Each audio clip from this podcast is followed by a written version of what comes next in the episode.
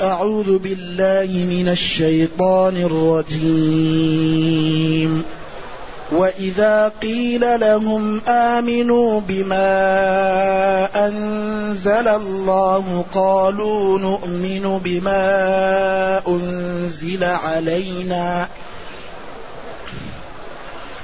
قالوا نؤمن بما أنزل علينا ويكفرون بما وراءه وهو الحق وهو الحق مصدقا لما معهم.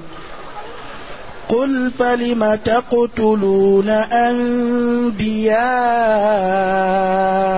الله من قبل إن كنتم مؤمنين ولقد جاءكم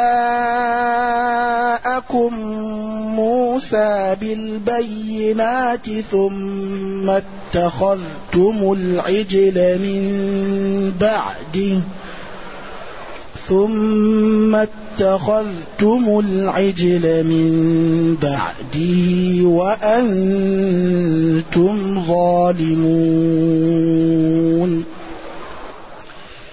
وإذ أخذنا ميثاقكم ورفعنا فوقكم الطور خذوا ما آتيناكم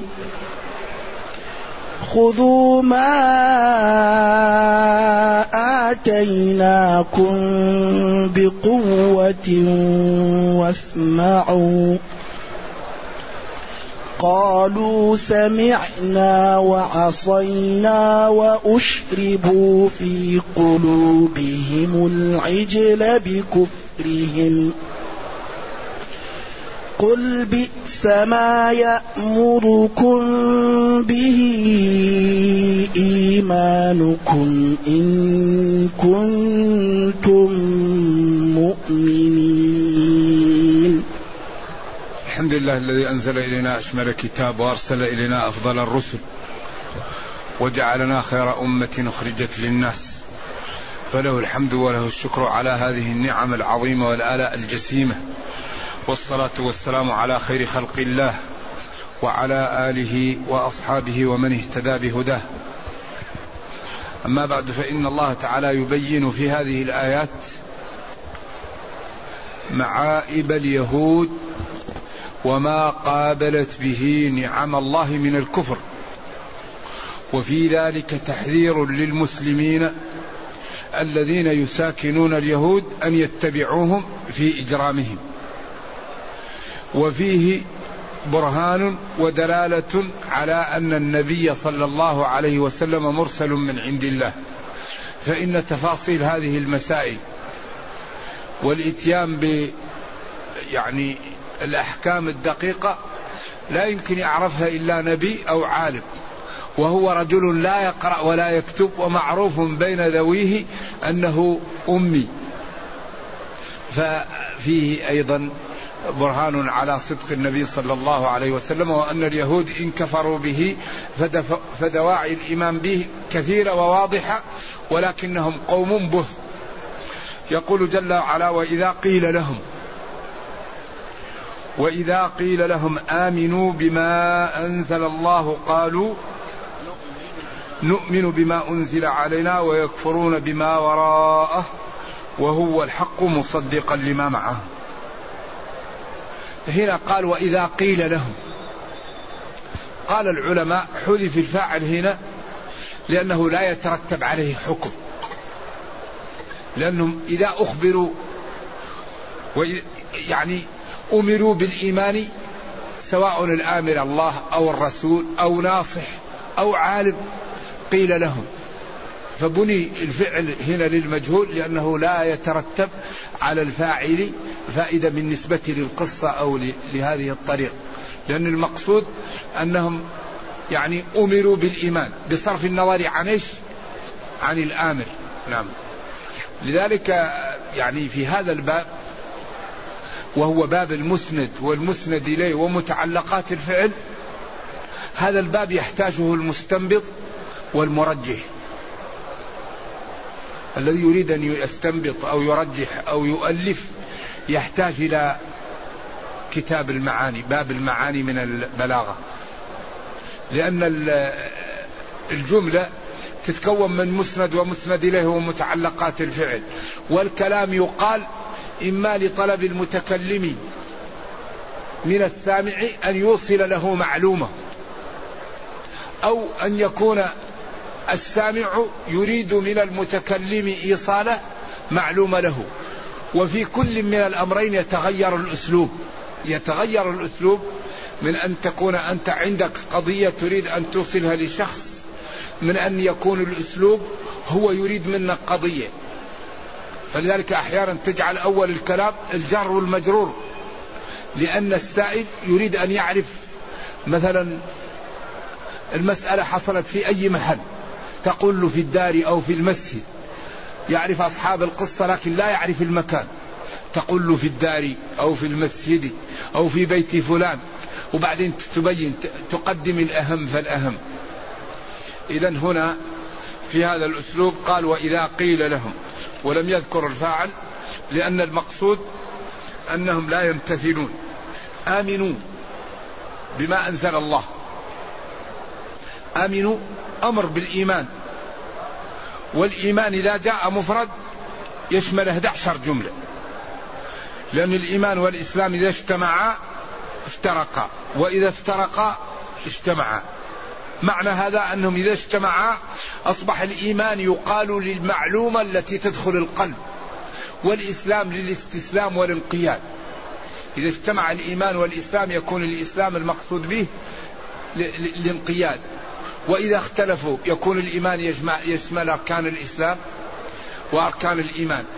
وإذا اجتمعا قد يطلق على الإيمان الذي هو أركان الإيمان الستة والإسلام أركان الإسلام الخمسة. إذا إذا اجتمعا افترقا. أصبح هذا يقال للمعلومة في القلب وهذا يقال للانقياد أو هذا يقال لأركان الإيمان وهذا يقال لأركان الإسلام. وإذا افترقا أصبح كل من الإسلام والإيمان يشملهم جميعا. إذا وإذا قيل لليهود قال لهم الله أو قال لهم الرسول أو قال لهم أحبارهم الذين اهتدوا أو من أصدقائهم من المسلمين آمنوا بما أنزل الله بالقرآن قالوا نؤمن بما أنزل علينا. وهذا فيه نوع من المغالطة والمكابرة. هم يقول لهم آمنوا بالقرآن. قالوا نؤمن بما أنزل علينا. طيب أنزل عليكم أنكم تؤمنوا بما أنزل الله. أنزل عليكم أنكم تؤمنوا بالقرآن. لذلك هذه المجادلة والمحاجة معهم هم ما عندهم إلا يسلموا أو يكابروا. لا تبقى عندهم حجة. قالوا نؤمن بما أنزل علينا. ويكفرون بما وراءه. وهو أي الذي يكفرون به القرآن؟ الحق الذي لا وراء وراءه. في حال كونه مصدقا ومعضدا لما معهم من التوراة والإنجيل والكتب بل مهيمنا عليها. لذلك هذا الكتاب كل ما جاء في الكتب موجود فيه. إما ما أقره وإما ما زاد عليه ووضح وإما ما نسخه. لأن في أشياء في الكتب منسوخة. الآثار والأغلال والتشدد. وفي أشياء كانت في التوراة هي عندنا. وكتبنا عليهم فيها أن النفس الله قال كتب عليكم القصاص في القتلى. إذا وهو الحق الذي لا وراء وراءه في حال كونه مصدقا لما معه. إذا هم كذب فيما قالوا. هذا الذي قالوه كذب وزور. وإنما هم كفروا بما عندهم لأنهم لو آمنوا بما أنزل عليهم لاستلزم ذلك الإيمان بمحمد صلى الله عليه وسلم. لأن الإنجيل والتوراة كل منهم تصفه وكل منهم تأمر باتباعه إذا جاء. ولذلك هو مهيمنا على الكتب. وهذا القرآن يعلو ولا يعلى عليه. وأوحي إلي هذا القرآن لأنذركم به لأنذركم به ومن بلغ. لا يسمع به مسلم ولا كافر ولا شخص ولم يؤمن به إلا دخل النار. لأنه في الوضوح والدلالة والبراهين ما تقوم به الحجة. قل لهم إن آمنتم بما عندكم كما قلتم فلم تقتلون أنبياء الله من قبل؟ وبعدين قال من قبل ليدل على أن تقتلون هنا استحضار المضارعية الماضية استحضار الصورة السابقة. لأن تقتلون فعل إيش؟ مضارع. والمضارع أصله يكون في المستقبل أو الحاضر. لأن الفعل منقسم ثلاثة أقسام. فعل انتهى وفعل حاضر وفعل مستقبل. فالأمر مستقبل والمضارع قد يكون حاضر وقد يكون مستقبلا.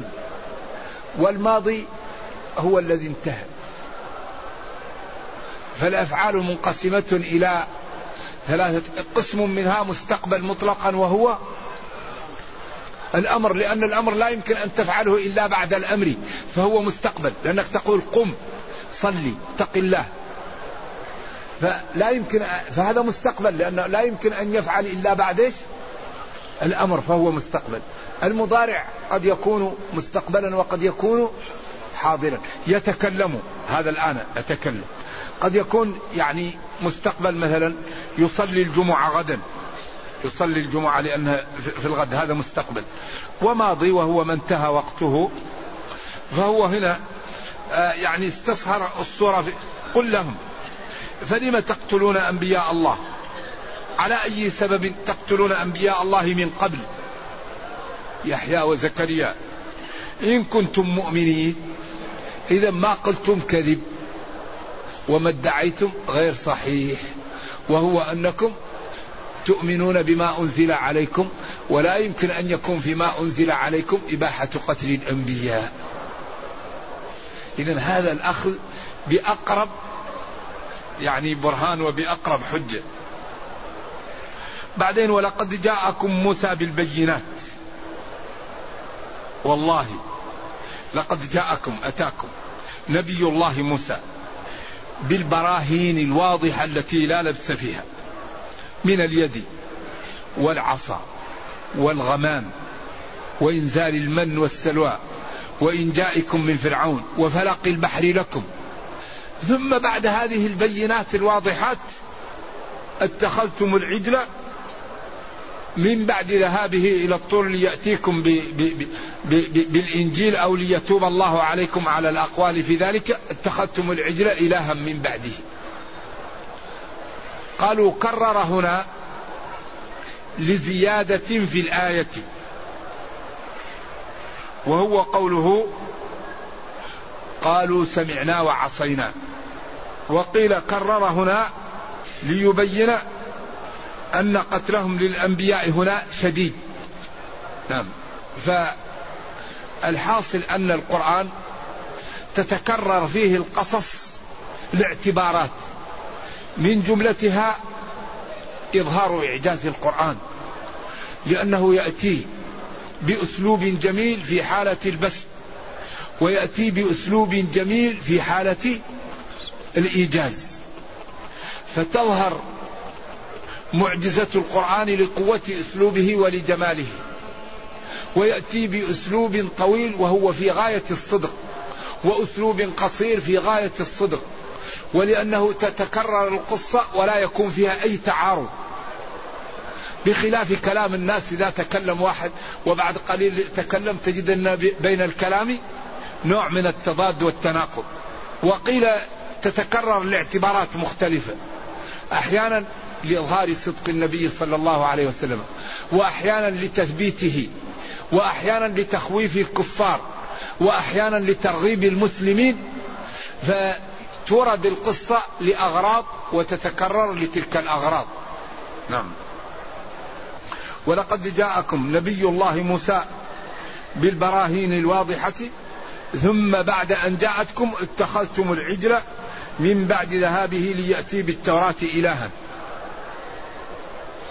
والحال أنكم فعلتم ذلك وأنتم ظالمون. فاعلون للعبادة في غير محلها. لأنكم تعلمون أنه لا يعبد إلا الله ونزلت عليكم الكتب وجاءتكم الملائكة ووضحت لكم. إذا أنتم ناس تكذبون. وما تقولونه ليس بصحيح. والله لقد جاءكم أتاكم نبي الله موسى بالبينات جمع بينة والبينة يعني المعجزة والآية الواضحة. ثم بعد أن جاءتكم يعني عبدتم العجل من بعده واتخذتم العجل من بعده إلها. والحال أنكم في ذلك خارجون عن طاعة الله ولا حق لكم في ذلك. ثم اذكر حين أخذنا ميثاقكم ورفعنا فوقكم الطور. وقلنا لكم خذوا ما آتيناكم من التوراة بقوة واسمعوا. قالوا سمعنا قولك وعصينا أمرك. وهذا في غاية الندالة والقبح. طيب بعد أن رفع الجبل فوقكم وبعد أن بين لكم هذه الحجج والبراهين كيف تقول سمعنا وعصينا؟ وأشربوا في قلوبهم العجل بكفرهم. أشربوا يعني تعبير عن غاية المحبة وقوله في قلوبهم ترد ما قالوا أنه برد العجل وقال لننسفنه في اليم نسفا وأنه برده في النهر وأنهم شربوا منه وظهر آثار ذلك في شفاههم. هذا يمنعه قوله في قلوبهم. لأن الشراب هنا توسع في العبارة والمقصود به شدة محبتهم للعجل أنهم أحبوا العجل وعبدوه عياذا بالله تعالى وأشربوا في قلوبهم العجل بسبب كفرهم. قل لهم يا, يا نبي بئس قبح الشيء الذي يأمركم به إيمانكم إن كنتم مؤمنين وهو عبادتكم العجل.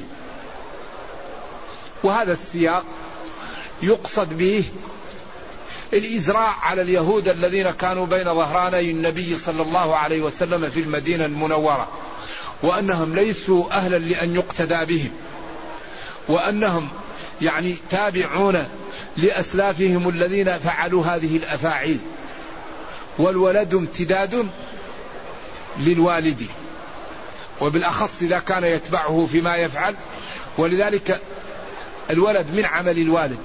إذا كان طيبا. و ونرجو الله جل وعلا أن يحمينا من هذه المعاصي وأن يوفقنا وإياكم لما يحبه ويرضاه وأن يجعلنا جميعا من المتقين. إنه خير مسؤول والقادر على ذلك. وصلى الله وسلم وبارك على نبينا محمد وعلى آله وصحبه. والسلام عليكم ورحمة الله وبركاته. فضيلة الشيخ بارك الله فيكم وأحسن الله إليكم وغفر لوالدكم ولجميع المسلمين. يسأل هذا السائل هل عمل الخير بين الأذان والإقامة مثل الصدقة وغيرها لها فضل؟ يعني لأن الوقت مبارك وتست... ولها فضل كفضل الدعاء بين الأذان والإقامة؟ لا أعرف لكن اللي أعرف أن من, من أوقات الاستجابة الدعاء بين الأذان والإقامة. لا يرد. ورد في أحاديث كثيرة في أبي داود وفي غيره. وإذا قاس الإنسان الشريعة معللة لكن لا أعرف هذا. أنه العبادة من الدعاء والدعاء عبادة. لكن لا أعرفه. نعم. بارك الله فيكم. يقول النبي صلى الله عليه وسلم من سن في الإسلام سنة حسنة فله أجرها وأجر من عمل بها السؤال هنا السؤال هنا ما هو ما هو الفرق أو ما الفرق بين سنة حسنة وبدعة وبدعة حسنة؟ هذا مشكل وأحسن من تكلم على هذا الشاطبي في كتابه العظيم الاعتصام. والسنن والمبتدعات للشيخ محفوظ رجل من المشايخ في مصر رحمه الله والبدعة في الشريعة الإسلامية رسالة علمية. والشاطبي كتب كتابة جيدة. وهنا من سن سنة حسنة يعني يكون شيء مشروع. مثلا الوفد الذين جاءوا للنبي صلى الله عليه وسلم وجاءوا عراة وجعان وجوعاء يعني يظهر عليهم الجوع ويظهر عليهم العري. فقام النبي وخطب وقال رحمه الله امرأ تصدق من درهمه من ديناره من. فجاء رجل بصرة أول واحد جاء فتتابع الناس فقال من سن سنة حسنة؟ السنة هنا هو سنها لكن هي مسنونة لأن الصدقة طيبة. من الذي يقرض الله قرضا حسنا؟ وهو قال رحم الله امرأ تصدق. ولذلك هنا إذا قيل السنة من سن سنة شيء ثابت. وإذا ومن قال ونعمة البدعة ليست البدعة هنا الشرعية لأن البدعة الشرعية ضلالة. كل بدعة ما قال كل كل مسورة سور كل تشمل كل بدعة. كل بدعة إيش؟ ضلالة. ولكن قول عمر ونعمة البدعة لا يقصد إنها إنها بدعة ولكن يقصد أن النبي صلى الله عليه وسلم لما قام بهم ليلة وليلتين كان رحيما بالمؤمنين فخاف أن يفترض عليهم القيام ويشق عليهم. فقال لهم والحديث الصحيح قال لهم أيها الناس إني رأيت مقامكم ولولا أني خشيت أن تفرض عليكم فصلوا في بيوتكم فصلوا في بيوتكم فإن صلاة المرء في بيته أفضل إلا المكتوبة. نعم. لا هذه الصدقة في هذا الوقت أفضل من السرية لأن لكل مقام مقال لأن هنا في ناس محتاجة وإذا أظهر الواحد الصدقة ليتسابق الناس للخيرات هذا في محله. لكن إذا كان فيه فقير وبعيد من الناس ولا يروه فأنت في هذه الحال لو تأتي الصدقة سر. كما قال إن تبدوا الصدقات وإن تخفوها وتؤتوها الفقراء فهو خير لكم. ولكن لكل مقام مقال. أيوه. ففي في حال أنه في وفد وجاء إظهار الصدقة في هذا المحل مطلوبة حتى الناس تتسابق وتكون قدوة في الخير. أيوه وهذه وهذه الأمور تمايزها النية، النية هي اللي تمايز. المهم هنا قال ونعمة البدعة والتي تنامون عنها أفضل. نعمة البدعة لأنهم هم عملوها بعد أن تركها النبي صلى الله عليه وسلم لكن قال لهم ولولا أني خشيت وأمن الفرد بعد انتقاله إلى الرفيق الأعلى فلم يبقى هناك محذور وهو قام بهم يوم ويومين وبين لهم أن العلة بعدم القيام بهم أنها تفرض. إذا هذه ليست البدعة المقصود الحقيقية وإنما هذه بدعة في اللفظ لأنها عملت بعد النبي صلى الله عليه وسلم بعد أن عملها. والبدعة الشرعية هي إحداث شيء في الدين على غير مثال سابق. لا يكون لها مثال. ولذلك الذي يرفع يديه للدعاء لا نقول ابتدع لأن النبي صلى الله عليه وسلم رفع يديه في الدعاء.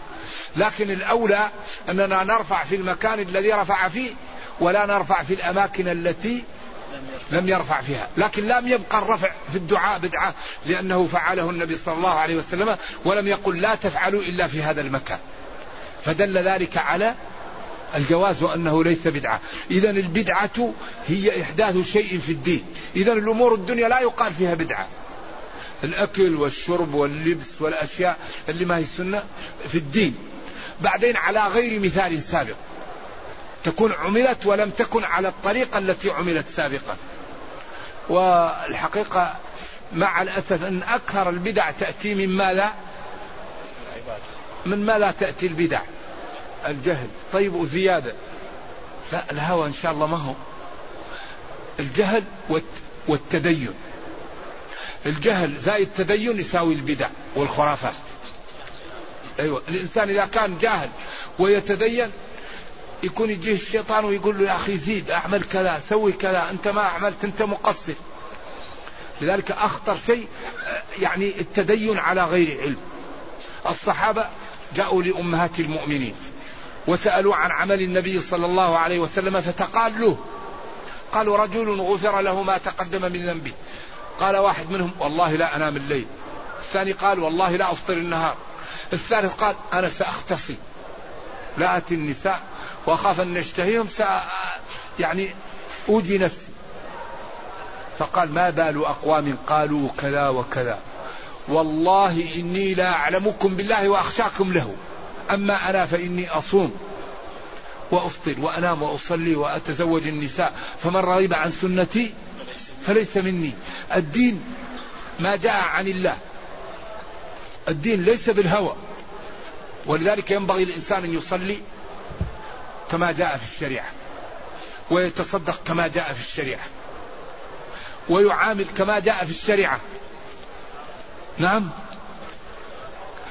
الصدقة إذا كان الإنسان لا يصبر نعم تكون مشكلة. إذا كان الإنسان إذا تصدق واحتاج الله قال ولا تجعل يدك مغلولة إلى عنقك ولا تبسطها كل البسط. فتقعد ملوما محسورا. محسورا. ملوما من الناس. ما تركت لنا شيء ناكله محسورا. ما تقدر تنفق ولا تقدر تتحرك.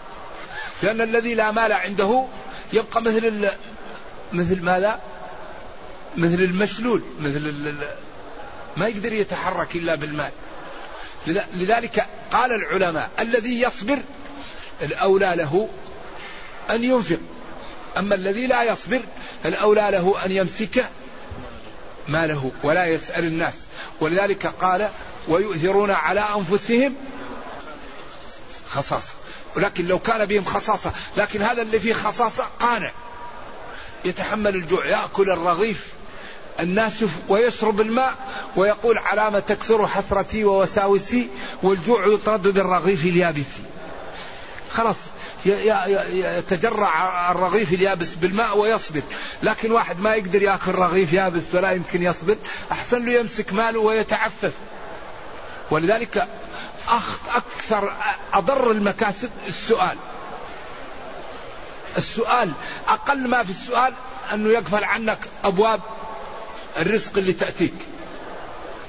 الله أمر بإعطاء كل من يسأل وكل من يتعفف. أطعموا القانع والمعتر وفي أموالهم حق معلوم للسائل والمحروم. لكن المسلم ينبغي أن يعف نفسه ويكون له سبب. وإذا سأل يسأل الله والله يقول ادعوني نعم. وإذا سألك عبادي عني فإني ولا يوجد شيء أكثر من طرق جمع الدنيا. يعني الذي غير محروم ما يوجد شيء أكثر من طرق جمع الدنيا. آلاف مؤلفة. الذي لم يحرمه الله من المال. ولذلك الشافعي يقول وإذا سمعت بأن محروما أتى ماء ليشربه فغاض فصدقي. وإذا سمعت بأن مجدودا أتى عودا فأثمر في يديه فحققي. ومن الدليل على القضاء وكونه بؤس اللبيب وطيب عيش الأحمق. فهذا ولكن ينبغي للمسلم أن يكون عفيفا. وأن يتكسب. فإذا كان بعض الناس الله لا يجعل له يجعله محروم فهذا ينبغي للمسلمين أن يساعدوه. أيوة لأن بعض الناس يكون محروم يكون قوي وذو مرة لكن الله جعله أخرق ما يعرف يشتغل. وإذا راح للسوق إذا إذا إذا اشترى شيء يخسر فيه. وإذا جل الماء نشف وإذا جل الثمرة نشفت. محروم. هذا ينبغي للمسلمين أن إيش؟ أن يفطنوا له ويساعدوه. والحقيقة ينبغي أن يكون بين الأمة تعاون. على أهم شيء نتعاون عليه كيف نرفع عقلياتنا؟ بعضنا يؤطر بعض وبعضنا يعلم بعض وبعضنا يعقل بعض وبعضنا يقوم ببعض. وتعاونوا على البر والتقوى. ولذلك كنتم خير أمة أخرجت للناس يعني نتعاون في التعاون مهم وهو الذي يرفع الأمم. نعم. بارك الله فيكم يقول هذا السائل ما حكم تولي المرأة وظيفة تولي المرأة وظيفة رئاسة الدولة الإسلامية أو أو تولي القضاء كالرجل. يا أخي في حديث لن يفلح قوم ولوا أمرهم امرأة والحديث صحيح. ولما كانت أيام حرب التي حصلت بين الأرجنتين وبريطانيا وكانت تاتشر هي المسؤولة وتغلبت بريطانيا على الأرجنتين والنبي صلى الله عليه وسلم قال لن يفلح رجعت للتفاسير وللشراح فقالوا يوم القيامة. قالوا يوم القيامة. أيوة لن يفلح قوم ولوا أمرهم امرأة يوم القيامة. هذا قالوا أيوة لأنه الحق صار عندي التشويش وبعض الالتباس. وأصلا أكثر شيء ينتقد فيه أعداؤنا الإسلام ثلاثة أمور. المرأة وقضاياها والرق وقضاياه وعقوبة جريمة السرقة وجريمة الزاني المحصن. هذه الثلاثة الغرب لا يستوعبها. وهي أكبر شيء يطعن. والحقيقة من أراد أن يستفيد من هذا الباب فليرجع إلى الجزء الثالث من أضواء البيان. في سورة بني إسرائيل عند قوله تعالى إن هذا القرآن يهدي للتي هي أقوم و و و و و والدين من الله الشريعة من الله. ونحن جاءنا شرع من الله والله أخبر أن كتابنا تبيان لكل شيء. وقال نبينا صلى الله عليه وسلم الذي قال له ربه وما ينطق عن الهوى وقال وما أتاكم الرسول وما نهاكم عنه؟ قال لن يفلح قوم لن يفلح قوم ولوا أمرهم امرأة. نعم. والنساء طبيعتهن الضعف. خلقن من ضلع وإن أعوج الضلع اعلاه لذلك المرأة حرمت الشريعة سفرها بمفردها لأن الرجل قد ينال منها وهي كاره. أما الرجل لم يحرم عليه السفر الحال لأنه لا يمكن ينال منه وهو كاره. و و وطريقة المرأة تختلف. المرأة الله جعل لها رحم وجعلها يأتيها الحيض. ويأتيها النفاس. الرجل لا رحم له. المرأة تنتج للمجتمع الأنفس. هذا أهم شيء ينتج. إذا أكبر شيء تقوم به المرأة هو الإنتاج للمجتمع. لأنها إذا لم تقم بالإنتاج انتهت البشرية. وإذا لم تستعمل في محلها قلت البشرية وضعفت وضعفت يعني إنتاج المجتمع. لذلك ينبغي للرجل أن يشتغل فيما خلق له وأن تشتغل المرأة فيما خلقت له. أما أننا نحن نتبع الغرب ونعمل كل شيء الآن الذي يريد أن يعرف قيمة الإسلام يذهب إلى الغرب وينظر إلى النساء عندهن. النساء في أمريكا كلهن يتمنين الإسلام.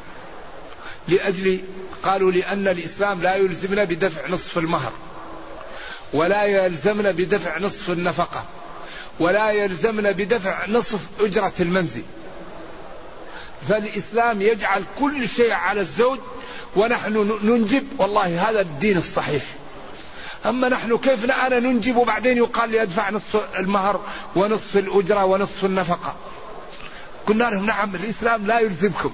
قالوا نحن نريد أن ندخل في هذا الدين. هذا الدين جميل صحيح. ذلك والذي يريد أن يعرف ماذا ماذا تقاسي المرأة في الغرب يذهب إلى الغرب. ولذلك أنا أقترح أن يعمل صندوق للمسلمات التي يريدن أن يكن مثل الغرب ونعطيها إعاشة ونعطيها محرم يسافر معها ونخليها تجلس هناك ثلاثة شهور. ستأتي متغيرة الفكر. هذا الدين طهارته. ونزاهته ودعوته بعدين المرأة يا أخي ما تقدر تقوم. أو من ينشأ في الحلية؟ وهو في الخصام. وهو في الخصام غير مبين. المرأة في كل محل يوضع لها الأصباغ. ليس هذا ظلم؟ ليش يوضع على المرأة الصبغ ولا يضع على الرجل الصبغ؟ ليش يحطوا لها في آذانها ويحطوا لها في رقبتها وفي يديها ولا يحطوا للرجل؟ في كل في الصين وفي كندا وفي المالديف وفي آه، سيرينام. في كل بلد المرأة يحط لها الأصباغ والأشياء. لماذا؟ المرأة خلقت لشيء والرجل خلق لشيء وكل منهم يشتغل فيما أما إذا الغرب عملوا شيء نحن نجري وراء الغرب ونقول لا, لا. النبي صلى الله عليه وسلم قال هذا. وارجع لشراح الحديث. ونحن عندنا دين وكتاب إذا اتبعناه الله يصلح لنا الدنيا والأخرى. وينصرنا بالرياح وبالملائكة. أما إذا لم نتبع ديننا أقل ما يفعل فينا ينزع المهابة من, من قلوب عدونا منا. نحن ننصر بالرعب. فإذا لم نتبع الدين تنزع المهابة ويتسلط علينا أعداؤنا. وأكبر شيء نقاوم به أعداءنا أن نتمسك بالدين. إذا تمسكنا بالدين هذا أكبر انتصار لنا. الله ينزل لنا القوة وينزل الملائكة والرياح ويساعدنا ويوفقنا ونفهم ونتآلف ونقوى. لكن إذا كنا نتكلم وفي الواقع جانب آخر هذه مشكلة الانفصام اللي تعيشه الأمة هو الذي سبب لها هذا الضعف. نرجو الله أن يرفعه عنا. بارك الله فيكم وأحسن الله إليكم. يقول هذا السائل قد يريد الشخص في بعض الأحيان أن يعني يرى الفقير يريد أن يتصدق عليه ولكن يرى يريد أن لا يراه بعض الناس. فيمكث قليلا حتى يذهب الناس الذين حوله ثم يأتي هذا الفقير. فهل هذا فيه تعارض بينه وبين قول بعض السلف أن ترك العمل من أجل الناس شرك؟ لا إن شاء الله هذا ليس منه ولكن ينبغي للمسلم أن يزيل هذا من نفسه. لأنك إذا اتبعت هذا يتعبك الشيطان. أنت إذا كنت بمفردك هل تذكر الله؟ هل تفرح أنك أطعت ربك؟ هل تحزن أنك عصيت؟ إذا خلاص الحمد لله. الثاني أتركه لأن الإنسان يأتيه الشيطان ويقول له أنت منافق أنت مرائي أنت تفعل. هذا نوع من التشويش لأن إن الشيطان لكم عدو. فكل واحد يحاول ويأتيك من الجهة اللي تخاف منها ويأتيك من مكامن الضعف. فأنت هذا الأمر لا يهمك. إذا كنت بمفردك هل تقول لا إله إلا الله؟ هل تصلي؟ هل لا تكره المعاصي وتحب الخير؟ إذا أنت مسلم تريد أن تعطيه أمام الناس أعطيه تريد أن تعطيه لحالك أعطيه ولا يكون الشيطان يشوش عليك. وإن شاء الله ستأخذ تأخذ الأجر كامل على ما في قلبك. لأن إنما الأعمال بالنيات. ركعتين تسوى ألف ركعة. لأنها خالطتها الإخلاص والنية والقيام ريال يسوى مليون ولذلك العبرة ليست بالكمية العبرة كيفية الصلاة كيفية الصدقة كيفية التعامل.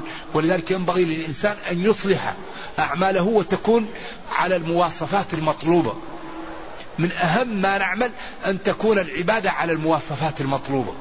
لأن العبادة إذا لم تكن على المواصفات المطلوبة لا يأخذ عليها الأجر أو ينقص الأجر. كما أن البضاعة إذا كانت على غير المواصفات التي طلبها التاجر يردها للمصنع. يقول له هذه ما هي اللي طلبت منه. صح ولا لا؟ إذا ينبغي أن نحاول أن تكون عبادتنا على ما شرع الله. وهذا لا يكون إلا بماذا؟ إلا بالعلم. وأخطر شيء التدين على الجهل.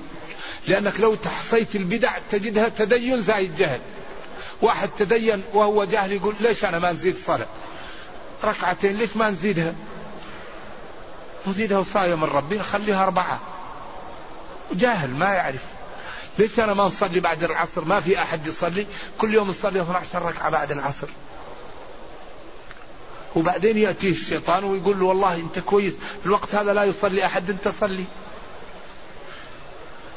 وقلنا إن الشيطان يأتي ويدز لما جاء لقريش وقال لهم سلوا محمدا عن الشاة تصبح ميتة من الذي قتلها؟